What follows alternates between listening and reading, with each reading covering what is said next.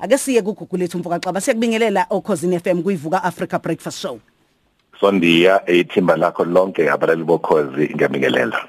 Sithokoza kakhulu ukuthi sibe nawe nje ekseni kuusuku futhi lwenkululeko. Eh uzosivula nje amehlo usitshela ngeindaba ezithinta umnotho nezithinta ipolitiki ukuthi ingabe ngempela sikuphi njengamanje Konde yasiqale lapha udaba usulubekile izizukulwane zangaphambilini zali izinto ezihlukahlukene siyazi namhlanje usuku olukhulu lapho sibungaza khona ukuthi sakhululeke eNingizimu Afrika. Kodwa iqiniso elikhona elithi eh izizukulwane nezizukulwane sisuke sibhekene nomsebenzi othile ekumele ukuthi siwenze eh njengaleso sizukulwane saleso sikhathi. Ukhulume lapha udaba lwasencome eh udaba lwasesandlwane. Mina ngithi impi yasencome lesesandlwane ayiphelanga esheng ya yasuka nje kuphela ekubududlisaneni lapha ya eh khona esandlwane yasiya ke eboardroom.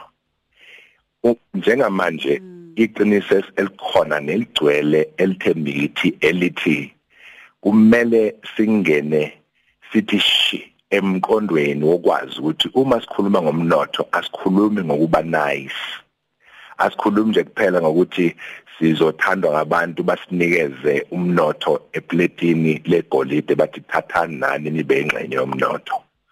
Uma sikhuluma ngokuyibandakanya emnothweni awube khona umqondo ogcwele wokwazi ukuthi umnotho yimpi. Umnotho kumele ukuthi sizibandakanye nawo sibe siqonda ukuthi ukusebenzisa amasu namaqhinga nobuthule nobuhlakani obabusetshenziswa kudala. Khona ikhathi sazama ukufundiswa ngisho inganekwane ochakujana nochakidende zonke lezo zinto ukuthi wenza kanjani? Chakide ukuthi enze ukuthi nokuthi amaqhinga kufanele siwaqonde la ukuthi ayasebenza emnothweni ngoba into eyenzekalayo buka nje yonke indawo la kukhula khona ngisho inqala zinda asibaningi njengabantu abamnyama okanti yithi sibaningi la eNingizimu Afrika. Bengihamba hamba nje ngathakathi ngihamba ngibheke indawo lapha ngibuka kwakhiwa eh infrastructure kwakhiwa lapho gateway kuyaphezulu sihlale siyibheka siyikhuluma lezi zinto ku property eyintweni zamabhangi akuzuba lula ukungena kwethu emnothweni ngaphandle ukuthi sisebenzise amaqhinga nokuthi sibanda kanye nokuthi sisempini asilwe sifose singene. Ngoba uma kungenjalo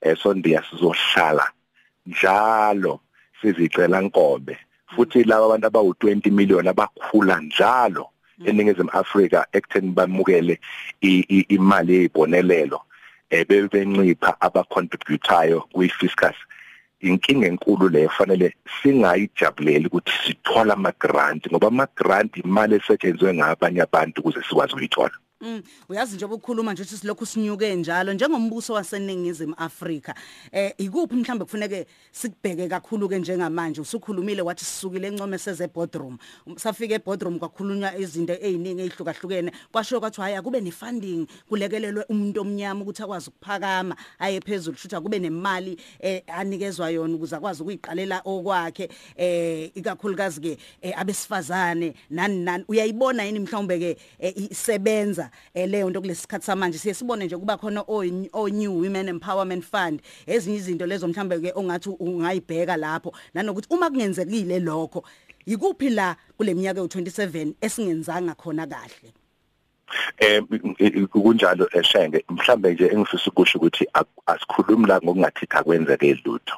Kusetshenzwe kakhulu. Lapho esikhona namhlanje ngenxa yokuthi sine emagxalabeni eh abantu bangaphambilini amaqhawe namaqhawekazi aseAfrika. Kumele sincome njalo ukusebenza kwawo futhi sikuqhakambise siqhakambise ichaza abalibamba besebalala abanye abanye besakhona besasilalela. Kodwa fanele sonke isikhathi sisebenze ngamandla ukuze nathi sifeze isicebo lokudalwa kwethu nalesi sikhathi. Ini ngifisa ukuyisho lokho sikushilo kuneyigaba ke la uhulumeni asiza khona njoba kune National Empowerment Fund. Kune kune fund elontshiwe i-new i-women empowerment fund. Yakwa National Empowerment Fund eh lapho bathi bafuna ukufunda khona noma kunikeza abantu besifazane baseningizimu Afrika eh ithuba lokuthi bathole imali engeke ibe ne-interest for 6 months futhi okuyothi ma emveni kwenyanga zisithupha bese beqale becharge interest ka 1.5% lokhu kusho ukuthi kufanele kuba abesifazane abazimisele ukuthatha eh, ithuba lokuthi bangene engxanxatheleni zamabhizinesi ngwahlukahlukana kwazo. Eh asizukuyichaza ke kakhulu mroza ngenxa ukuthi isikhathi sinaso kodwa ngolesine kusuka ngo11 kuya ku12 sicelile lapha sibonge futhi siphilisiwe uCEO nomfokama lokhuzana insizwa laphamile madonsela uzobe bekhuluma ngolesine bechachisa kabanzi ukuthi abantu bayibandakanya kanjani kwi-virtual meeting yamahala ezobe siyihlelele ukuze abantu eh, bakwazi ukulalela kakhulukazi besifazane Sithokoza kakhulu ukuthi ke sibe nawe emvoka xaba ngalesi sikhathi uma sithi ke amandla omnotho. Kanti ke ungakwazi futhi ukuthi ke ulandele uthi ke www.amandlaomnotho.co.za ungaphinde futhi ke ulike i-page amandla omnotho i-page lika Facebook akhona nama podcast okhozi FM la esuke naba khona ke eh uGoogle lethu umvoka xaba mayelana nawo ke amandla ke omnotho. Na kanjalo futhi na ku YouTube uyakwazi ukungena uthi ke amandla omnotho eh uzokwazi ukuthi ke umtholo ungama WhatsApp ke futhi enombolweni eh ukwazi ukuthi ukhulume nabo eh ethamandla omnotho ku 08 eh 222 52217 08 222 52217